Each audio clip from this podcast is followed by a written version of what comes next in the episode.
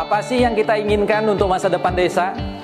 Warga desa yang sehat, pendidikan yang berkualitas, pendapatan yang meningkat dan merata, lingkungan desa yang tetap lestari, desa aman, nyaman, dan damai berkeadilan.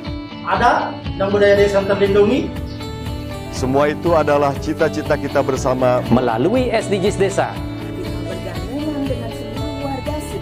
Melangkah maju, mewujudkan cita-cita bersama. Desa-desa di Indonesia telah menapaki kemajuan. Gotong royong yang tetap terjaga. Fasilitas di desa semakin baik, pendidikan dasar akan tetap kita tidak boleh lengah. Sebab masih banyak tantangan yang menghadapi. Pengangguran pemuda desa Pengangguran harus pemuda diatasi. desa harus diatasi. Penurunan kemiskinan desa, Penurunan kemiskinan harus desa harus cepat lagi. Kebakaran hutan harus kebakaran hutan harus dihentikan. Kekerasan terhadap perempuan Kekerasan harus terhadap dihilangkan. Perempuan harus dihilangkan. Pekerjaan-pekerjaan yang belum usai ini. Ini harus kita tuntaskan. Jadi, mari berdiri. Mari berdiri. Mari berdiri. Mari berdiri sebaris. Berjajar bergandengan tangan. Melukis kuntul baris. Mewujudkan cita-cita kita bersama. Dan pastikan tidak ada satupun warga desa yang tertinggal di belakang. Mari membangun Indonesia dimulai dari desa. 18 tujuan untuk mewujudkan desa yang lebih baik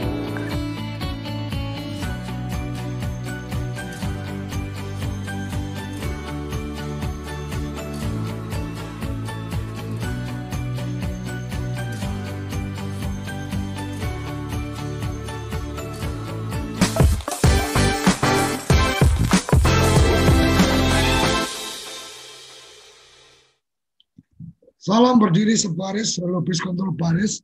Salam SDG Desa. Salam bahagia kerabat desa Indonesia. Uh, pagi ini kita agak terlambat karena menunggu dari Kades Bantaing, Pak Lukman, tapi ternyata sampai sekarang belum masuk. Ada yang menarik dari uh, Kepala Desa Bantaing ini adalah ketika memanfaatkan PKTD untuk keperluan membangun database desa. Materi presentasi ya, semalam sudah dikirim, kayaknya ini apa ketiduran telat bangun mungkin karena saya coba hubungi melalui uh, komunikasi uh, teleponnya belum aktif. Uh, mungkin kita akan ke Gosifan dulu nih bahwa SDGs desa pada akhirnya di awal lebih pada kegiatan melakukan updating data, kemudian membangun satu sistem informasi desa. Nah, eh, ide-ide tentang kesadaran atas manfaat data ini mungkin yang perlu menjadi satu apa edukasi atau menjadi tantangan besar bahwa kepala desa sadar data bahwa uh, kita semua sadar bahwa data itu sekarang menjadi aset, bukan lagi menjadi beban untuk kita menyimpan atau menjadi beban pekerjaan, tetapi harus dilihat sebagai aset yang kemudian punya kemanfaatan untuk desa. Setidaknya dengan data otomatis uh, dibantu apa satu program digital uh, computerized maka akan bisa menyampaikan informasi bahkan sampai di olahan. Jadi kalau dulu mungkin ketika kita punya data, kita akan pusing dengan statistik dan seterusnya, atau rumus-rumus untuk mengolah data. Tapi hari ini dengan apa teknologi, maka ketika diinput data, itu uh, bisa kemudian dengan kemampuan teman-teman yang memang ahli di bidangnya, langsung akan keluar Out, outputnya apa, oh data ini bicara apa, dan seterusnya. Kira-kira seperti itu. Silakan Gus Ivan sambil menunggu Pak Lukman dari Pantai. Ya, terima kasih Gus Koco, kerabat desa sekalian. Mungkin ada bagusnya Pak Carek yang bicara sebetulnya. Karena yang penting di sini memang kegunaan dari data itu sendiri. Gitu. Jadi pengalaman kita selama ini kan memang belum bisa untuk mengupdate data secara tahunan gitu. Kecuali kemarin ketika sudah mulai ada IDM ya. Jadi data tahunan desa saat ini yang bisa reguler itu uh, baru IDM yang dilakukan sendiri oleh pemerintah desa. Ya. Sementara sebetulnya di IDM itu uh, keunggulannya seperti yang disampaikan oleh Gus Kojo tadi itu, keunggulannya itu memang di situ direkomendasi. Jadi keunggulan dari uh, IDM direkomendasi dan yang kedua tentu saja karena data itu digunakan untuk uh, penyusunan atau pengalokasian dana desa itu. Jadi komponen terbesar dari dana desa itu nanti ada di sana. Bahkan di PMK atau Peraturan Menteri Keuangan 222 2020 itu desa yang sudah kategori mandiri bisa langsung mendapatkan dana desa 60% di di apa namanya tahapan pertama gitu. Bukan lagi 40 persen. Nah itu itu aspek-aspek uh, kegunaannya itu. Tapi memang persoalan utama di menurut kami ini Gus Koco ya makanya ini saya kira menarik ini kalau desa sendiri sudah punya keinginan seperti itu persoalan utama memang uh, bagaimana kita sama-sama menggerakkan bahwa data itu berguna bagi desa gitu. Bahwa desa yang punya data itu akan lebih desa yang punya data akan lebih maju daripada desa yang uh, tidak punya data itu. Masih 36% desa yang menganggarkan untuk data. Ini bukan soal anggarannya, tapi kalau kalau menganggarkan kan berarti akan melakukan aktivitas pengumpulan data itu. Gitu. Jadi 36 persen itu berarti masih kurang dari separuh desa kita itu yang yang yang memang akan melakukan pendataan gitu. Nah oleh sebab itu di tahun ini eh, kita akan mulai dengan pemutahiran data ya.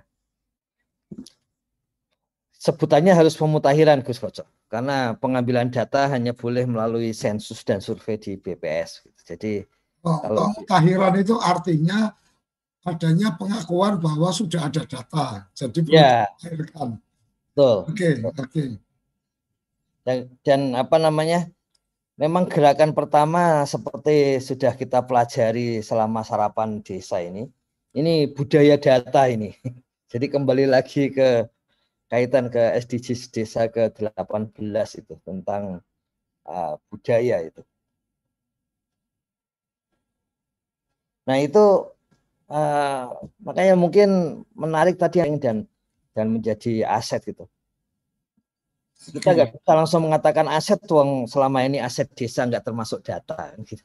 Jadi, harus, harus harus harus. mulai ada pemahaman bahwa intangible atau mungkin apa uh, aset yang tidak tidak apa tidak ada tidak kelihatan gitu ya. tidak, tidak iya. tersentuh gitu ya. Iya, termasuk ini Gus Koco. Kenapa ada salah satu ya salah satu motivasi Gus Menteri kenapa harus masuk kampus itu? Hmm. itu salah satunya untuk membudayakan data gitu membudayakan okay. data dalam apa pembangunan desa gitu Gus Koco Oke ini udah ya sudah masuk ini ya mulai bergabung ini jadi kita yeah. perlu mendengarkan apa uh, cerita pelaku cerita pelaku ya ngeri aja ini. Kira nah. yang menarik gini Gus Koco. Ya ya. Soal data hmm. itu juga kreativitas apa namanya ini kan meluaskan PKTD ini ya. Ya. Kalau kita lihat kemarin contoh Gus Menteri di Wonogiri PKTD digunakan untuk bumdes itu ya. menurunkan sampai 120 keluarga miskin itu. Nah ini kan ya kreativitas PKTD untuk untuk kompilasi data. Hmm. Masalahnya aspek yang penting di sini Gus Koco. Kalau ini ya. berhasil dan dan dan dan apa namanya desa lain mengetahui, ini alangkah mudahnya mengumpulkan data karena basisnya PKTD yang sudah menjadi prioritas penggunaan dana desa 2021. Gitu. Jadi mudah bagi desa untuk melakukan itu.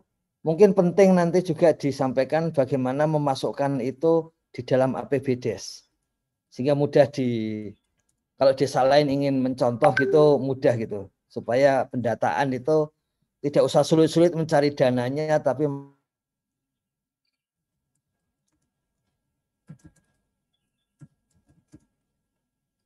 Halo.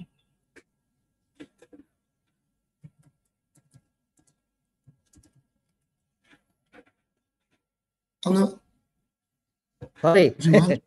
ya. Itu Gus Oto. Jadi apa namanya? Bagaimana nanti penganggarannya itu supaya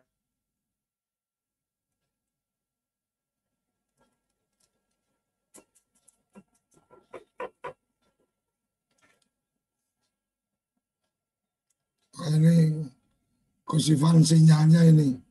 Mas Sugeng, Mas Sugeng mungkin uh, bisa diberikan gambaran sambil menunggu uh, Pak Kades Ban, apa uh, Lukman bergabung karena audionya masih belum ini, audionya masih belum bergabung ini dari Mas Lukman. Mas sejauh ini data-data yang mungkin apa Sekdes kan pasti sangat menguasai apa informasi data uh, indeks desa membangun mungkin atau mungkin dari data-data yang lain sejauh ini apakah ada, mungkin ada pengalaman-pengalaman tertentu atau pandangan pandangan tertentu terhadap apa keberadaan data, Mas? Ya, uh, terima kasih. Kalau selama ini untuk pendataan kita uh, dengan pendampingan dari pendamping desa itu untuk menyusun uh, IDM desa, Eh, kita memang belum pernah uh, apa ya untuk menyentuh ke kegiatan PKTD untuk pendataan kayak gitu memang. Jadi masih masih sifatnya manual, artinya manual kita mencari data ke wilayah-wilayah RT. Lah sekarang misalnya data kependudukan kita bisa dibantu dengan aplikasi smart yang ada di Dinduk Capil gitu. Terus hmm. uh, kalau data-data yang lainnya uh, kita masih manual, mencarinya masih uh, dengan uh, memfungsikan para ketua RT ataupun kalau misalnya kesehatan ya kita memfungsikan bidan desa dan kader-kader uh, kesehatan yang ada di desa. Begitu dan kira-kira. Artinya mungkin lebih pada ketika ada data terkumpul dan seterusnya memang belum disiapkan satu sistemnya atau apa penyimpanannya sehingga memudahkan untuk oh ke depan butuh diupdate dan seterusnya uh, masih ini ya masih masih belum ada satu program yang belum. mungkin belum. Di, apa disiapkan oleh desa ya. Belum, belum, ya belum. Okay. Uh, makanya ini mungkin materi kali ini menarik sekali nih dengan adanya ya ini, tadi. Ini. Sayang sekali nih Mas Mas Lukman audionya belum bisa terkoneksi. Jadi kalau dari materi yang disampaikan melalui presentasi yang disampaikan Mas Lukman itu bahwa PKTD kemudian uh, di karena memang ada 8% ini apa uh, anak-anak muda artinya yang umur 16 sampai 21 dan kemudian rata-rata pengangguran apa maka kemudian PKTD ini dipakai untuk kemudian uh, disasar kepada mereka dan uh, programnya tidak pembangunan fisik tetapi non fisik dalam konteks membangun apa baseline data untuk melakukan ya, update daripada geososial spasial. Ini sebenarnya sangat luar biasa dan anggarannya nggak besar, anggarannya nggak besar karena serapan anggarannya kalau dari angka itu cuma 47 juta 500 ribu. Cuma uh, efeknya menurut saya ini sangat luar biasa sekali. Sayang koneksi kita dengan Mas Lukman untuk apa koneksi audionya belum dapat untuk videonya sudah masuk. Mas Lukman mungkin kalau menggunakan handphone itu bisa di bagian tombol mic itu dikoneksikan audionya supaya apa bisa masuk ke apa suaranya bisa masuk. Ma, uh, kembali ke ke ini ke apa ke manfaat data dan seterusnya. Ini memang apa terobosan besar saya pikir dari Kementerian Desa ketika kemudian uh, mempersiapkan diri atau membantu desa dalam konteks mengolah data yang sudah diinputkan gitu, kira-kira. Betul gitu ya Gus ya? Jadi data-data dilakukan update, pemutahiran, kemudian ada sistem yang kemudian akan mengolah data itu menjadi informasi.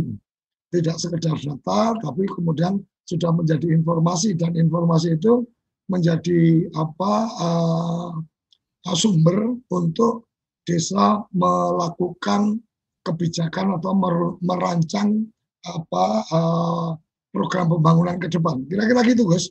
Iya, benar. Dan tadi disampaikan Pak Sugeng, Pak Caleg Sugeng dan beberapa minggu yang lalu yang membutuhkan desa membutuhkan kalau ada permintaan data itu mengambil kolom yang mana gitu.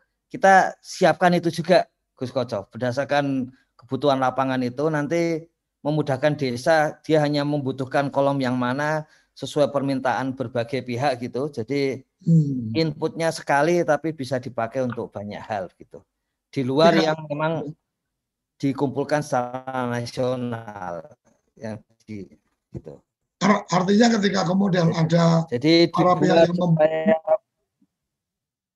artinya ketika ada para pihak yang membutuhkan data mungkin tinggal data kolom mana yang dibutuhkan kemudian itu diambil kemudian ya. itu bisa ya. langsung dikirim email ke yang membutuhkan kira-kira gitu ya guys Iya benar gitu jadi okay. apa namanya tidak hanya data pasif datanya sendiri bisa dipakai desa di samping tadi rekomendasi atau informasi yang diolah oleh komputer bagi desa itu.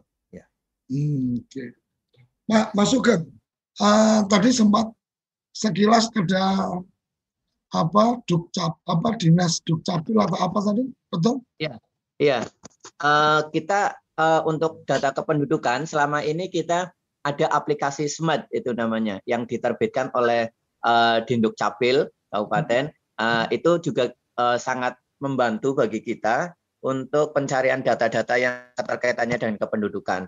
Hmm. Artinya kita misalnya sekarang uh, mencari data umur misalnya umur umur seorang misalnya interval umur satu uh, sampai dengan tiga tahun atau satu sampai dengan lima tahun balita misalnya kita hmm. tinggal uh, cari di aplikasi tersebut saja sudah langsung bisa muncul data-datanya. Begitu. Hmm. Oke oke art, artinya ini ini jadi apa PR tambahan ini PR baru lagi nih ke Pusdatin ke Mendes artinya mengkoneksikan mengkoneksikan apa sumber-sumber data eh, sampai ke servernya apa ke Mendes ini menjadi tantangan tersendiri ya ya ya betul hanya memang begini Gus termasuk Pak Caleg Sugeng Pengalaman Pak Caleg Sugeng gimana? Apakah bisa di-download untuk kebutuhan desanya atau hanya bisa dilihat itu? Karena sampai kemarin memang data-data yang sifatnya kependudukan itu tidak bisa ditarik kemudian di-download jadi yang milik kita gitu. Jadi itu tetap tetap maya itu. Memang konsep berbagi data begitu.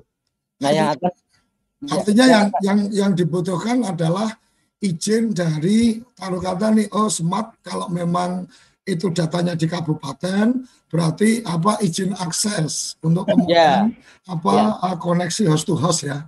Ya. Cuman okay. tidak bisa dipakai. Oke. Okay. Nah, kita kita akan menggunakan data yang bisa di-download jadi milik desa. Oke. Okay. kira itu sih bedanya. Ini uh, Mas Lukman udah bisa bergabung alhamdulillah. Pagi ya. Mas Lukman. Selamat pagi Mas Kocok. Oh ini ketiduran ini jangan-jangan. Mas Lukman ini teman-teman udah menunggu nih. Udah menunggu Mas Lukman bisa berbagi cerita karena semalam kita juga sudah dapat apa materi presentasinya. Kalau akan dibagi presentasi juga silakan, tapi kalau enggak mungkin Mas Lukman bisa berbagi memulainya kemudian terpikir bahwa apa PKTD apa uh, itu kemudian uh, Mas Lukman berani atau mengambil langkah mengalokasikan untuk anak-anak muda dan tidak dalam bentuk infrastruktur fisik. Ini ini menarik. Saya pikir apa kerabat desa akan akan bisa terinspirasi bahwa berani memulai sesuatu yang kemudian manfaatnya real untuk desa. Silakan Mas Lukman.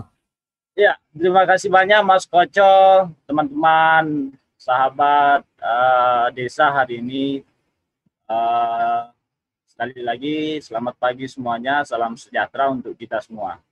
Jadi satu hal yang membuat kami tertarik untuk mengembangkan database desa, khususnya di Desa Patanetiang, uh, berangkat dari uh, pembacaan pribadi sih sebenarnya bahwa penting melandasi sebuah desa dalam memajukan tata kelola pemerintahan dengan uh, penguatan database khususnya yang ada di desa.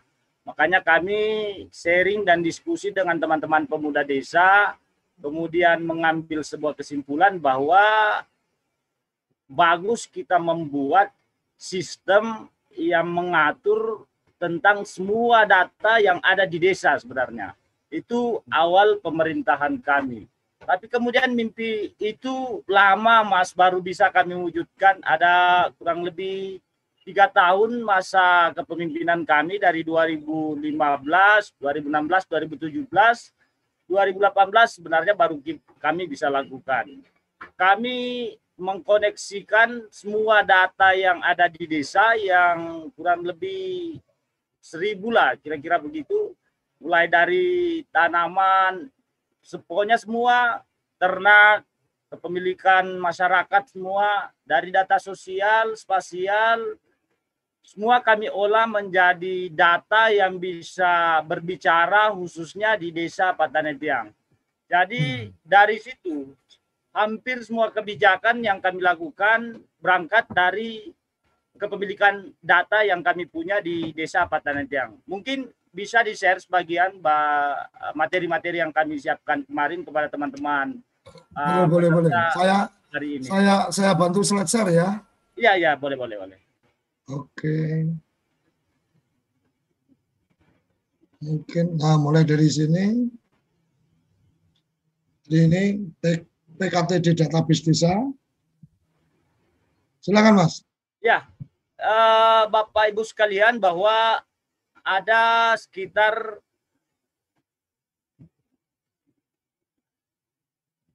ada sekitar 8% dari jumlah total penduduk yang ada di desa itu usia anak muda khususnya di desa Patanetiang. Ketika melibatkan anak muda dalam kegiatan infrastruktur kan biasanya susah mas. Makanya ya. anak muda kami bukakan ruang, perlu ada ruang khusus dalam kegiatan pengembangan desa khususnya. Nah, dari hmm. sana kami kolaborasi bersama anak muda untuk melaksanakan kegiatan uh, pengembangan data desa melalui sistem uh, berbasis peta 3G dan peta digital sebenarnya. Jadi semua data yang ada di desa kami kami koneksikan dengan peta digital yang sangat membantu di saat uh, pandemi COVID-19 saat ini sebenarnya. Contoh kasus penentuan BLT di desa. Ketika penentuan BLT dilaksanakan di desa kami, kurang lebih lima menit kami bisa menyisir dari seluruh masyarakat desa. Jadi kurang lebih lima menit dari tampilan data digital yang dibuat dan dibangun oleh anak-anak muda itu lewat database. Kami melihat semua masyarakat, oh ini yang paling layak, ini yang pendapatannya paling rendah, ini yang petani, ini yang uh, pengangguran, ini yang janda, ini yang duda misalnya. Jadi anak muda dengan cepat menyisir itu dan menyiapkan bantuan-bantuan yang bersifat pengusulan, yang bersifat uh, ditetapkan langsung oleh desa, baik berupa BLT, sembako, dan lain-lain sebagainya. Dari status anak muda yang kami miliki dari usia 16 sampai 21 yang kurang lebih 200 orang, uh, kami menghasilkan beberapa hal yang penting sebenarnya karena harus diakini bahwa mengapa mesti PKTD database yang kami buat khususnya di desa Patanetiang. Hampir semua desa bahkan uh, mayoritas teman-teman desa di seluruh Indonesia ketika membangun PKDT itu arahnya jalan, embun dan lain-lain sebagainya hampir sama sih semua sebenarnya. Nah dari sana kami berpikir ada hal-hal yang baru yang mesti kita lakukan dengan inovasi, dengan kolaborasi bersama teman-teman pemuda, sehingga mampu menghasilkan uh, hal-hal uh, baru khususnya di desa yang memang sangat tertinggal per tiga tahun awal kepemimpinan kami di desa Pak Tanatiang khususnya. Uh, muncullah kesepakatan bahwa apa yang saya sampaikan tadi terkait pentingnya menentukan arah kebijakan hmm. melihat data. Bagaimana data berbicara ke pemerintah untuk meyakinkan kita dalam menetapkan satu kebijakan yang tepat sasaran kepada masyarakat. Itulah pentingnya data, Pak. Dari sana kebijakan-kebijakan yang kami ambil selalu mengarah pada data yang dibangun lewat sistem peta digital oleh anak-anak muda kami dari jumlah uh, eh, PKTD data itu serapan anggaran tidak besar-besar amat sih sebenarnya. Ada kurang lebih 40 jutaan dari total kurang lebih 70 orang anak muda yang terlibat yang kami minta untuk sadar akan pentingnya desa mengetahui datanya sendiri. Selama ini desa hampir di semua tempat data itu dicari ketika ada kepentingan dari atas ada perintah dari atas, tapi kami memang membutuhkan data itu untuk membangun desa sebenarnya. Ketika data solid di desa, yakinlah hampir semua kebijakan-kebijakan pemerintah desa, pemerintah kabupaten, pemerintah provinsi sampai tingkat nasional, arah kebijakannya Mas akan tepat sasaran sebenarnya. Itu yang meyakinkan kami untuk mengolah data sebaik mungkin dan menentukan arah kebijakan dengan melihat data yang berbicara kepada kami terhadap pemerintah desa. Dari uh, database desa kami, data geososiospasial hasil PKTD, PKTD uh, baseline menjadi data desa Patanetiang.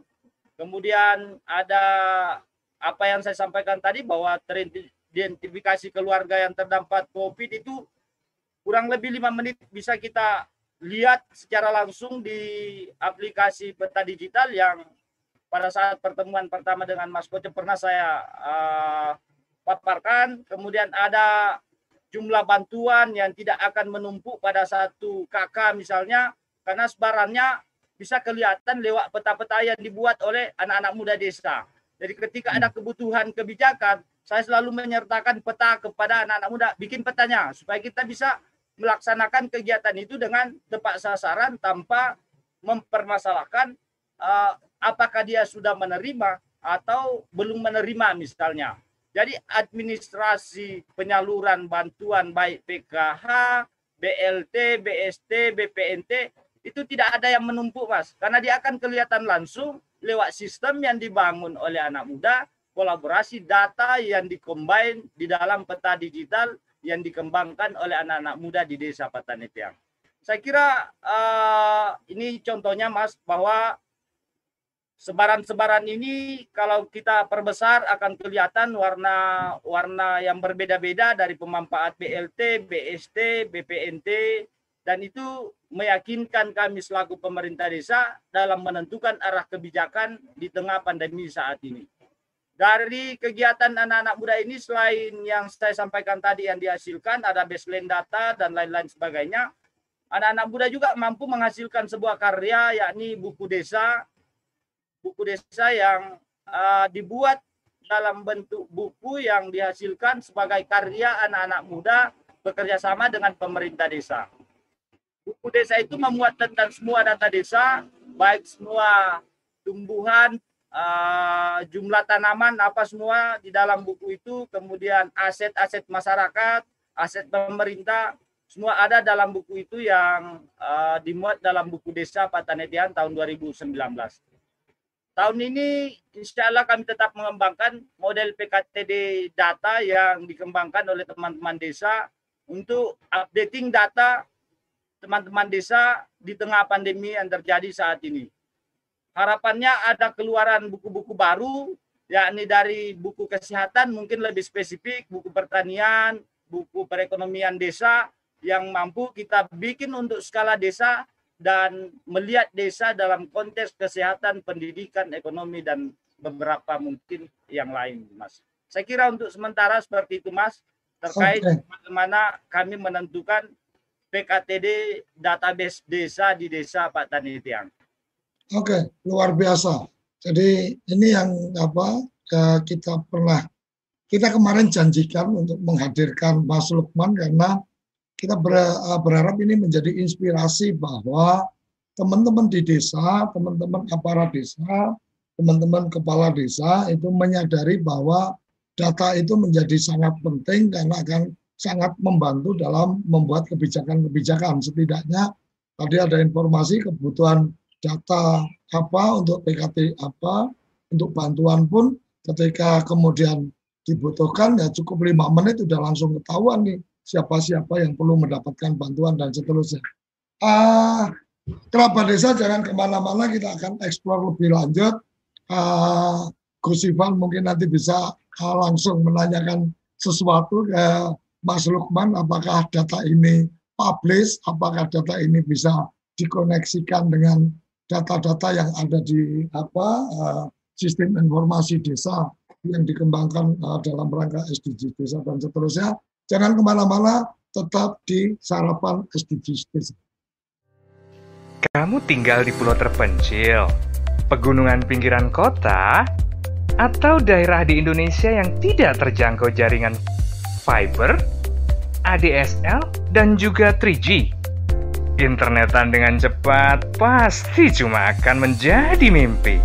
Mau pakai tol langit, pakai desa wifi, kunjungi www.desawifi.id. Apa sih yang kita inginkan untuk masa depan desa? Warga desa yang sehat, pendidikan yang berkualitas, pendapatan yang meningkat dan merata, lingkungan desa yang tetap lestari, desa aman, nyaman, dan damai berkeadilan. Ada dan budaya desa terlindungi. Semua itu adalah cita-cita kita bersama melalui SDGs Desa. Satu, desa tanpa kemiskinan. Dua, desa tanpa kelaparan. Tiga, desa sehat sejahtera. Empat, pendidikan desa berkualitas. Lima, keterlibatan perempuan desa. Desa layak air bersih dan sanitasi. Tujuh, desa berenergi bersih dan terbarukan. Delapan, pertumbuhan ekonomi desa merata. Sembilan, infrastruktur dan inovasi desa sesuai kebutuhan. 10. Desa tanpa kesenjangan 11. Kawasan permukiman desa aman dan nyaman 12.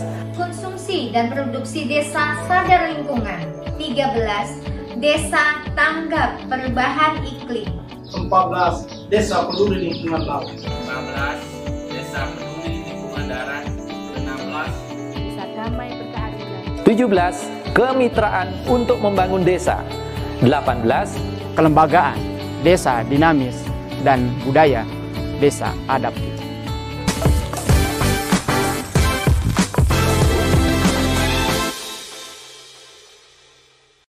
Desa Vision Desa Vision memberikan pilihan tayangan edukasi dan inspirasi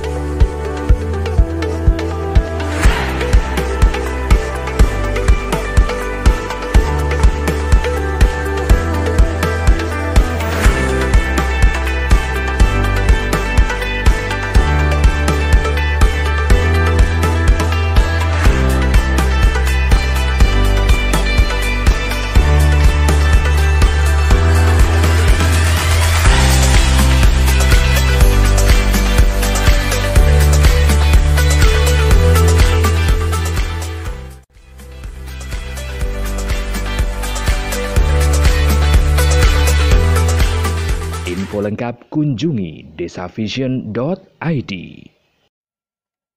Oke, kembali di sarapan SDGs desa. Ada dua hal yang menarik menurut saya dengan apa yang dilakukan oleh Mas Lukman ini. Satu adalah tentang kesadaran data. Artinya sebagai kepala desa menyadari betul bahwa dalam proses pengambilan kebijakan itu akan menjadi lebih objektif itu ketika berbasis data. Itu satu. Yang kedua yang menarik adalah ketika Mas Lukman berpikir tentang PKTD itu menyasar kepada anak muda. Artinya ketika anak muda diajak untuk kerja fisik dan seterusnya, kayaknya sekarang sudah tidak menarik lagi kan gitu. Ibarat kata suruh ikut apa angkut-angkut batu, bikin jalan dan seterusnya mungkin anak muda memalas aja kan karena memang asik dengan dunianya. Dan kemudian eh, mengkomben ide yang sudah sekian tahun lalu itu kemudian dimasukkan dalam program yang menurut saya angkanya tidak terlalu besar juga karena dari data yang tadi disampaikan uh, kalau tidak salah 51 itu untuk enumeratornya, artinya untuk melakukan sensusnya, 20 orang itu untuk melakukan update data spasial, 11 orang untuk tenaga input itu, artinya totalnya ada cuma 8, ada 82 orang, tetapi serapan anggarannya tidak sampai 50 juta, karena di data yang disampaikan 47 juta 500 ribu. Ini menurut saya satu terobosan yang luar biasa. Saya ingin dengar komentar dari Gus Ivan sebagai Kepala Pusat Data dan Informasi terobosan yang dilakukan oleh apa uh, apa kepala desa ini, kepala desa yang masih muda ini melibatkan anak muda dan seterusnya. Komentarnya apa ini, Gus? Yang pertama ya tentu saja apa namanya sangat uh, saya pengen tahu sebetulnya itu butuh waktu tiga tahun. Apa itu? Itu persoalan budaya atau apa itu?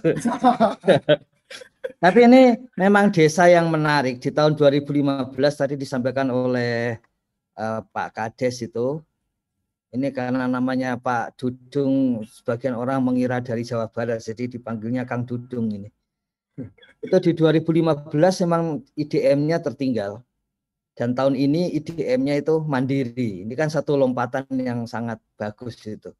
Masuk kami, apakah kemudian data itu kan tadi diperoleh di tahun 2018 ya? Apakah ada lompatan yang sangat tingginya itu setelah 2018 atau memang sudah naik terus gitu ya? Untuk untuk membuktikan ini Gus Koco dan kerabat desa sekalian, apakah memang data itu bisa mempercepat kemajuan desa atau tidak?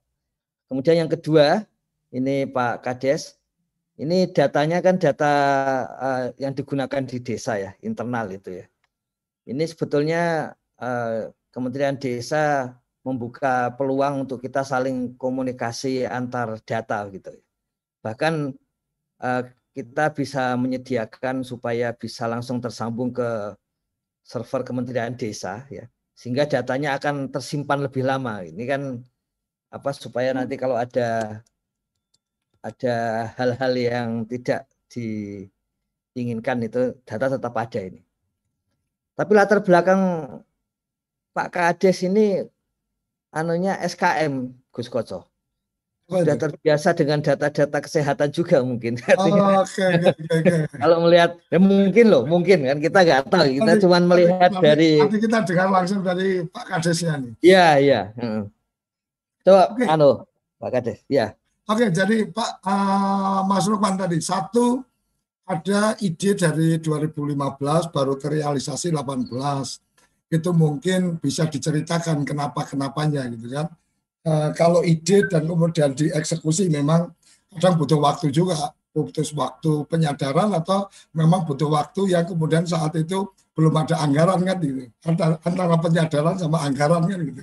Nah kemudian apa lonjakan dari apa eh, IDM itu apakah memang karena apa basis datanya yang sudah bagus sehingga eksekusi programnya kemudian menjadi lebih baik atau bagaimana? Silakan Mas Lukman bisa berbagi cerita.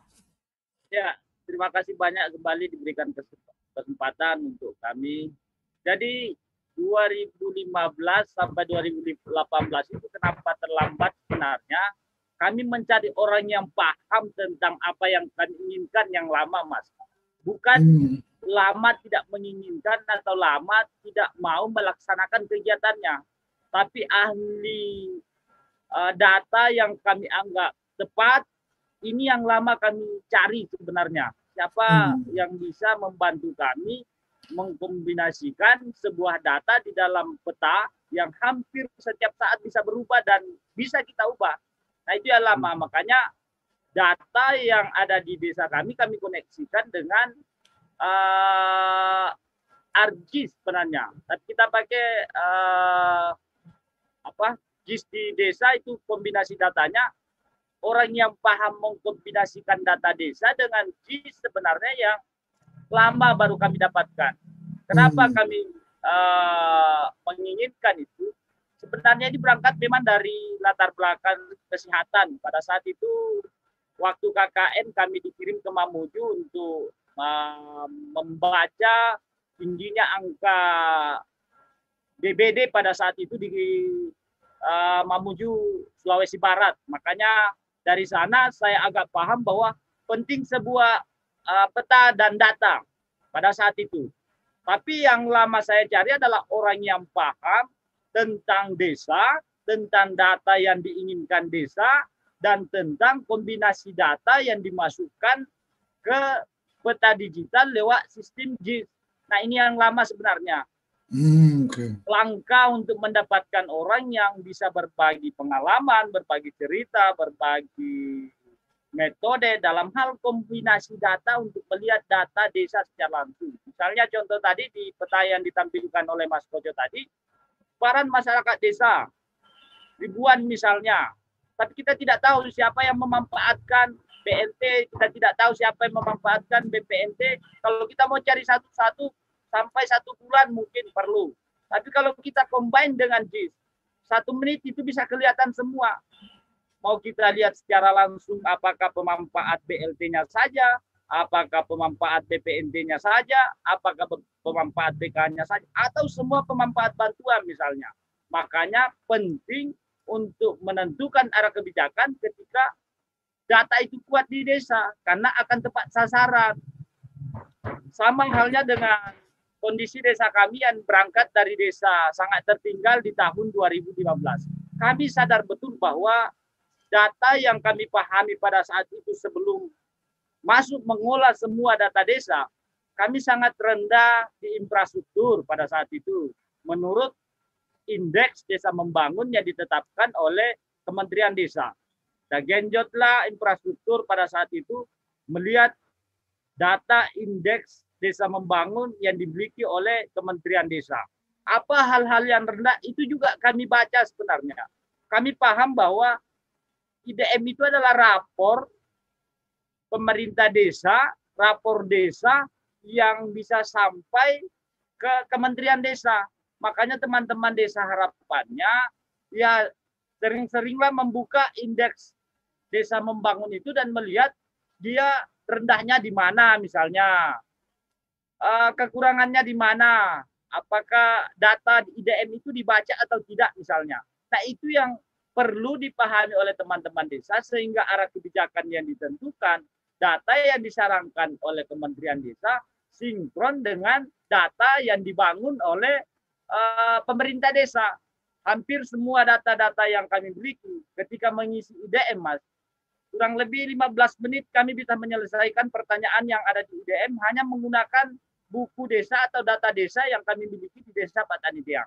Kira-kira hmm. kurang lebih seperti itu apa yang kami sampaikan terkait kenapa mesti lama dan apa apa efek data dengan dimilikinya kuatnya data di desa. Efek yang kami rasakan adalah status hampir setiap tahun berubah kecuali di tahun 2015 sampai 2000 17 eh, kalau tidak salah pada saat itu kami tetap tertinggal, kemudian 2018 kami masuk desa berkembang, statusnya setiap tahun berubah Dan setelah data kami kuat, kami sebenarnya tidak merencanakan untuk menjadi desa mandiri.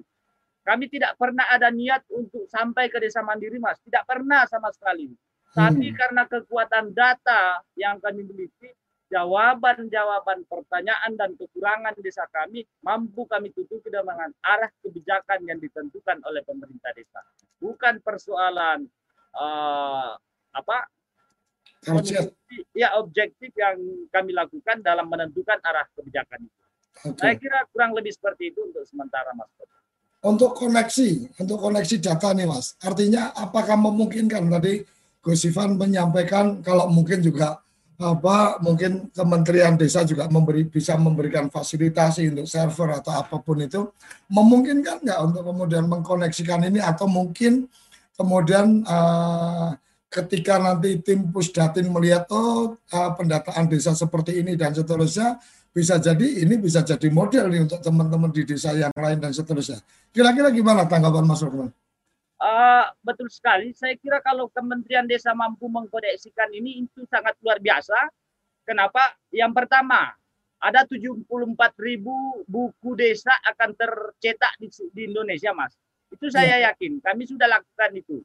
Kekayaan kita akan menjadi kekayaan pendidikan yang lama dan mampu kita abadikan dalam konteks buku. Bentar mungkin saya ambil bukunya setelah istirahat saya ambil saya perlihatkan untuk eh, Pak Kepala. Eh, ketika Kementerian Desa melakukan itu dan teman-teman desa mampu melaksanakan banyak hal yang lebih bagus sebenarnya bisa dilakukan. Teman-teman kementerian mampu melakukan itu dengan arah kebijakan yang lebih besar, anggarannya lebih besar. Di desa kami mampu melakukan itu dengan anggaran yang kurang lebih 47 desa eh, 47 juta untuk menggaji teman-teman pemuda desa.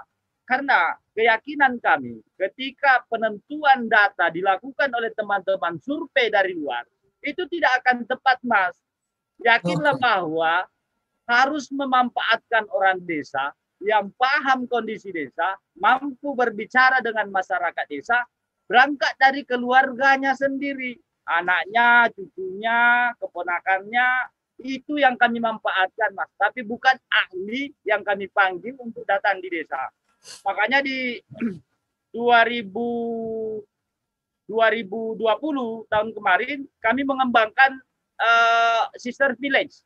Sister Village ini mengangkat desa saudara melaksanakan hal-hal yang mampu kami laksanakan yang bagus menurut hemat dan pandangan teman saudara kami, kemudian dilaksanakan di desanya.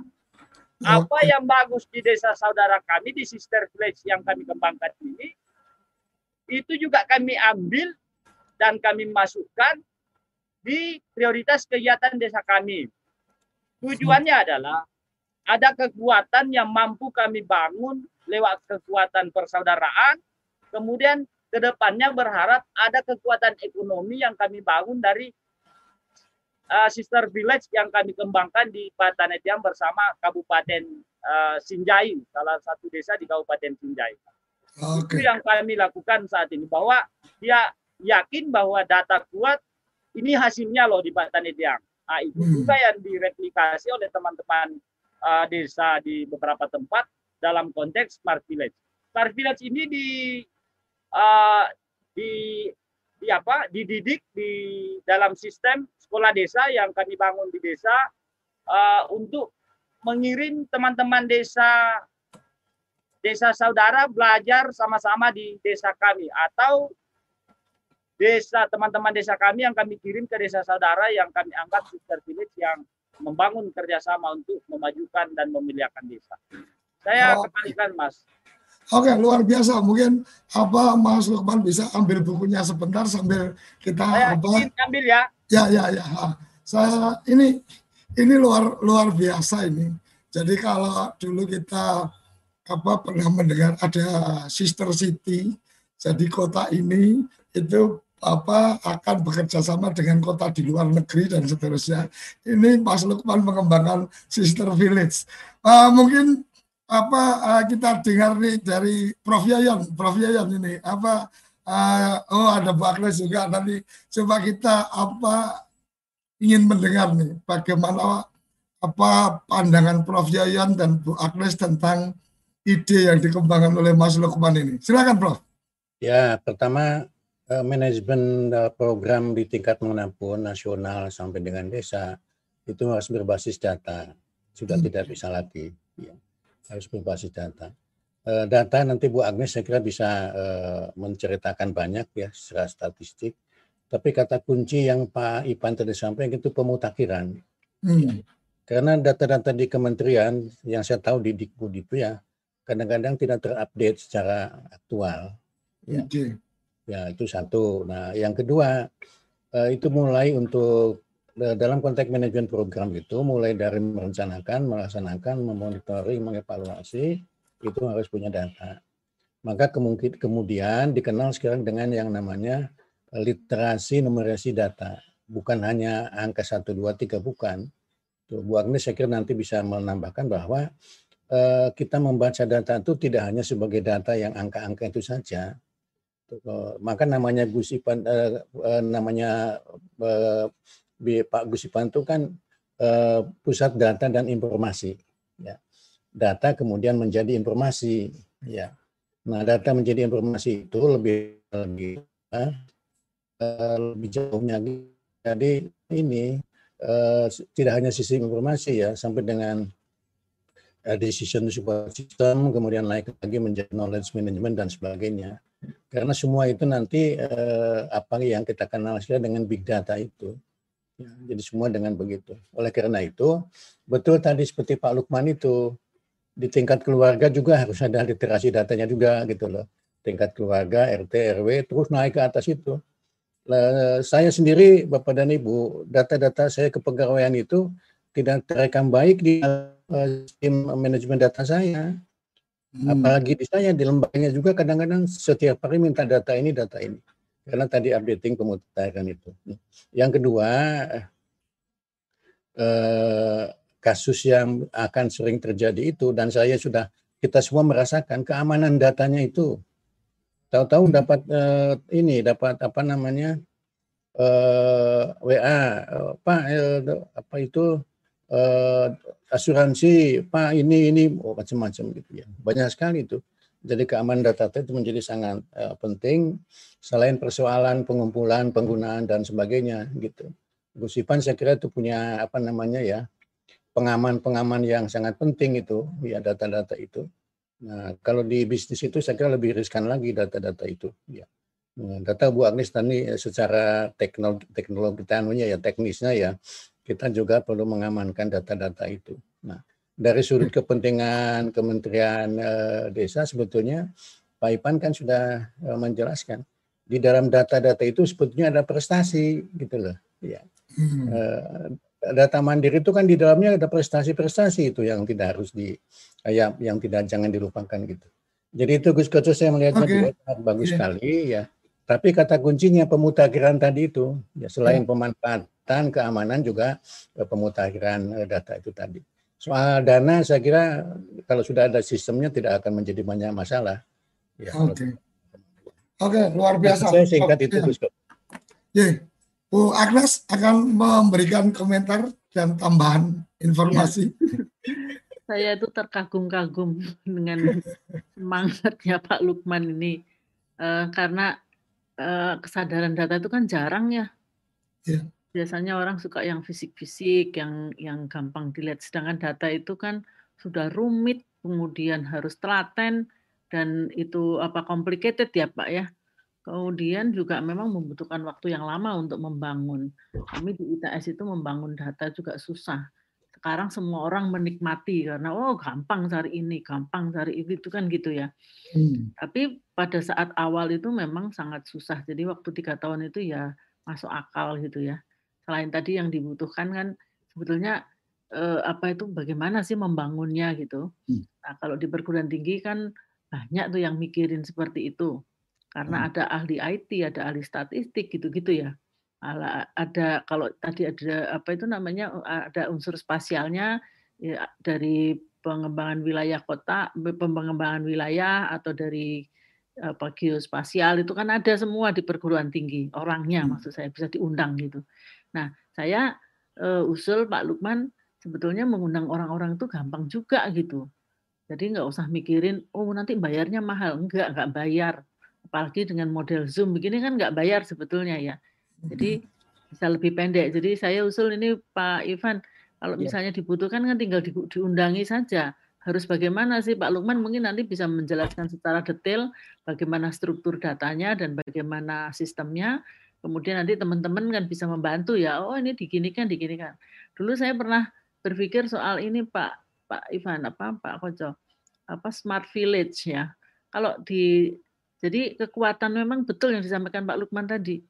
Bu Risma itu waktu mengembangkan Surabaya itu kekuatannya di data. Dan itu dibantu oleh teman-teman dari eh, apa dengan programnya Smart City untuk Surabaya. Lengkap itu data-datanya. Sehingga akhirnya Bu Risma itu mau cari orang yang belum makan bisa ketemu. Jadi hmm. orang miskin yang belum makan itu kan harus dikasih makan ya. Nah, iya. itu kan di entry di situ. Itu di ketemu tuh Bu Risma bisa tahu. Kan hmm. luar biasa karena eh, gampang melihat di dashboardnya Bu Risma itu akan ketahuan. Jadi dashboard yang saya maksud berarti kan Pak Lukman sebagai kepala desa akan bisa melihat dashboard itu ya hmm. setiap saat. Nah, jadi tadi pemutakhiran itu kan menjadi kata kunci karena itu kan dinamis ya Pak ya. Nah, soal list apa itu namanya data yang harus dikumpulkan dengan adanya eh, SDG desa ini listnya sudah makin lengkap. Sehingga sebetulnya nanti kalau itu dimasuk data dari SDG itu semua dimasukkan, maka akan memudahkan Kementerian Desa untuk melihat kalau semua desa melakukan seperti yang Pak Lukman lakukan gitu ya, maka kan mudah sekali oh desa mana yang tertinggal dalam aspek SDG misalnya seperti itu. Jadi saya uh, appreciate sekali dan mudah-mudahan ini akan berkembang terus. Jangan kapok dengan kerumitannya yang penting itu. Jangan kapok dan telaten terus gitu ya. Dan akhirnya kan bisa dirasakan bahwa eh, apa itu eh, ini manfaatnya luar biasa besar. Dan akan banyak loh yang melirik Pak Lukman. Karena begitu ketahuan apa itu namanya oh potensinya ini gitu ya maka sebetulnya tidak perlu orang yang akan berinvestasi di situ tuh cari-cari ke mana-mana karena kan akan bisa menemukan melalui uh, googling saja gitu. Itu kan sangat membantu. Jadi dengan data itu maka uh, kemajuan itu akan cepat cepat dicapai karena banyak orang yang ingin mensupport Pak Lukman ya, mensupport desa maksud saya. Oke. Okay. Selamat Pak Lukman. Ya, oke okay, terima kasih Bu Agnes sebelum nanti closing statementnya uh, Pak Kapus Dapin, Mas Lukman silakan memamerkan bukunya dan mungkin bisa menyampaikan ketika ada data itu kemudian mungkin ada ekonomi yang bergerak atau apa silakan. Ya, uh, terima kasih banyak Mas ini salah satu karya yang kami kolaborasikan dengan anak-anak muda hasil PKT di tahun uh, lalu tahun 2019 updatingnya tetap jalan. Setiap tahun kami laksanakan updating data, kemudian menyesuaikan apa-apa yang diinginkan oleh teman-teman di Kementerian Desa itu juga kami kaji kembali dan mengumpulkan data lewat teman-teman uh, di desa.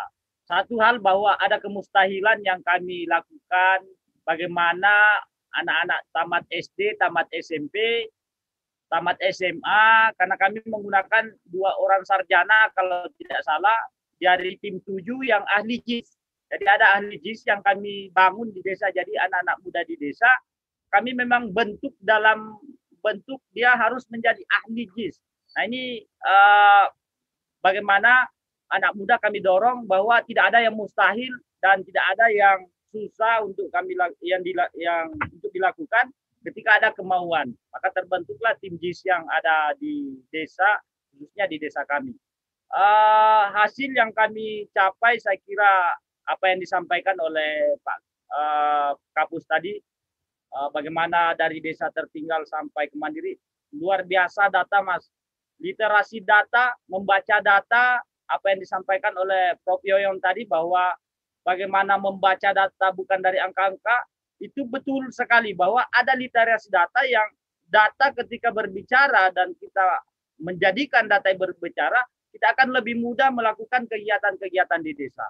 Buktinya dari riset yang dilakukan oleh anak-anak muda, Anak-anak muda mampu membangun sirup aren yang tadinya hasilnya gula merah terus dari zaman Belanda sampai sekarang. Anak-anak muda bikin riset lewat data yang dikembangkan mampu menghasilkan sirup aren misalnya. Hal-hal yang sederhana dilakukan oleh teman-teman desa dan bahkan banyak banyak teman-teman desa di seluruh Indonesia yang mampu melakukan luar biasa yang mungkin belum sampai ketahuan oleh teman-teman di uh, Kementerian Desa. Satu hal bahwa uh, kami untuk menjamin keamanan data di desa, kami tidak tertarik untuk mengonlinekan semua data putih yang kami punya, Mas. Jadi data putih itu adalah data yang kami gunakan untuk menentukan arah kebijakan.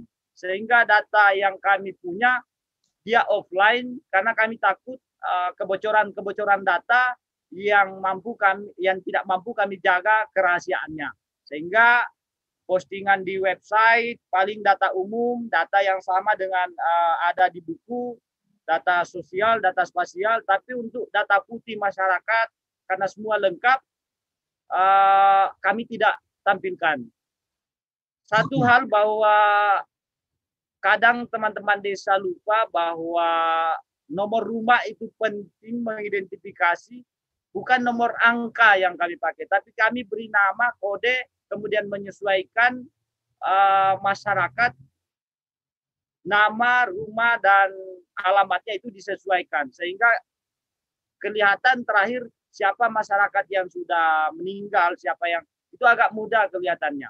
Jadi menyepakati dulu satu logo misalnya atau satu uh, papan misalnya atau apa misalnya yang disepakati bersama masyarakat dalam memulai mengolah data. Ada banyak hal yang mesti kita sepakati dengan masyarakat. Masyarakat merasa nyaman, pemerintah juga merasa uh, aman untuk melaksanakan programnya. Barulah program itu bisa dilaksanakan. Jadi ada kesepakatan bersama yang mesti dibangun, ada kesadaran bersama yang mesti dibangun bahwa data ketika berbicara yakinlah bahwa ada hasil yang akan kita raih ke depannya. Mimpi okay. kami bahwa ada kebijakan ke depan yang dikeluarkan, bagaimana memberikan ruang ke teman-teman desa untuk membangun lembaga pusat data desa di desa. Oh. Yang kami harapkan sehingga pintu data itu keluar masuknya di lembaga pusat data desa itu. Hmm. Jadi ketika meminta data ya lewat jalur satu pintu. Teman-teman desa juga tinggal menyodorkan apa yang diinginkan permintaan dari uh, pimpinan atau permintaan dari kementerian atau permintaan dari provinsi tinggal menyodorkan data yang dimiliki oleh lembaga pusat data desa. Ini yang kami mimpikan terbentuk di desa, Mas. Itu yang okay. kami harapkan. Ada ruang yang mampu kami uh, dibuka untuk kami dan mampu kami laksanakan di desa. Terima kasih, Mas. Oke, okay, terima kasih. Luar biasa pagi ini uh, ada inspirasi luar biasa. Semoga untuk teman-teman kerabat desa. Closing statement, Kesifan silakan melihat kades-kades yang apa inovatif seperti ini kayaknya apa uh, Kementerian Desa juga ya. harus mempersiapkan diri untuk berlari cepat membangun big data, big data desa ini akan jadi luar biasa bisa mengalahkan lembaga-lembaga yang lain ini kalau sudah apa uh, dikembangkan big data desa. Silakan guys.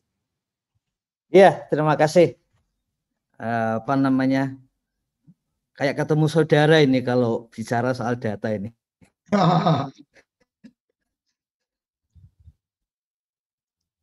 Mungkin lembaganya nanti Pusdati SDG Desa ke-18 itu memboleh SDG Desa ke-18 itu membolehkan desa kalau ingin membuat lembaga yang dibutuhkan gitu. Jadi silakan saja itu dan di dalam di dalam apa namanya penggunaan dana desa itu ada komponen uh, pembinaan eh, kemasyarakatan yang di situ bisa diisi dengan pendanaan untuk lembaga-lembaga yang dibutuhkan desa itu. Jadi artinya yang hmm. disampaikan Pak Kades bisa dilakukan. Mungkin yang terakhir begini Gus Koto dan kerabat desa sekalian. Jadi ada dua cara pandang terhadap pengumpulan data.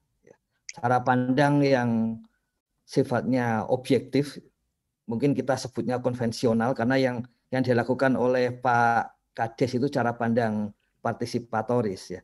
Cara pandang objektif itu justru tidak membolehkan pengambil data dari masyarakat sekitar. Asumsinya justru kita tidak kenal dengan responden, dengan dengan masyarakat gitu. Bahkan kalau kita kenal, mengambil datanya itu harus menggunakan tabel angka acak. Jadi asumsinya kita tidak boleh kenal supaya objektif. Kelebihannya kemungkinan adalah dia bisa digunakan di banyak pihak, di banyak lokasi gitu dengan hasil yang mungkin sama. Sebaliknya, yang dilakukan oleh Pak Kades dan yang itu juga dilakukan oleh Kementerian Desa, kita menganut paradigma pengambilan data partisipatoris. Yaitu justru kalau kita kenal, maka pengambilan datanya akan semakin valid. Jadi kekuatannya itu di validitas, di kebenaran dalam tanda kutip ya, di dalam kebenaran terhadap data itu sendiri. Karena tadi disampaikan oleh Pak Kades, ya kita mulai dari keluarga kita. Kalau orang luar kan bisa ditipu karena baru ketemu beberapa menit gitu. Tapi kalau sudah keluarga sendiri, eh, warga RT sendiri, itu sulit ditipu meskipun mengatakan miskin kalau dia kaya bisa dikoreksi oleh oleh tadi istilahnya enumerator. Jadi eh, perlu kita sepakati, perlu kita sampaikan bahwa kita sama-sama menganut paradigma eh, datanya itu partisipatoris gitu. Jadi makanya nanti pun SDGs desa itu lebih dipercayakan kepada pemerintah desa bukan karena supaya anggarannya dari desa bukan alasan itu tapi alasannya memang ini mencapai validitas itu. Dan itu sudah teruji tahun lalu ini art artinya BLT, artinya mazhabnya sama ya Gus? Mazhabnya sama dengan Pak Kadus iya. Enggak kalau misalnya contohnya ya nanti akan ada juga pendataan dari kementerian lain ya dan lembaga-lembaga lain yang justru nggak boleh oleh warga desa sendiri. Harus dari luar. Itu mazhabnya memang mazhab yang berbeda gitu. Okay. Itu Gus Koso. Jadi saya kira uh, yang dilakukan dan tadi yang menarik Gus Koco ya. 2015 sampai 2017 ya itu tertinggal 2018 ada data berkembang 2019 itu maju 2020 mandiri gitu anu desanya itu jadi mungkin memang ada pentingnya data itu ya. Dan mungkin juga pentingnya kadesnya SKM juga ini kayaknya. Dan punya pengalaman mendata di tempat lain gitu ya. Oke. Okay. alirannya yang penting itu peti bukan belangkon. Iya iya iya. Betul betul. Oke. Oke terima kasih Prof. Yayan Bu Agnes teman-teman yang sudah bergabung. Makasih sekali Mas Lukman sudah sharing pagi ini masukan sekdes yang sudah memantau. Ada juga nih dari BUMDes, tamu baru kita mungkin semoga selalu bisa mengikuti uh, eh, SDGs desa untuk bertambah apa wawasan.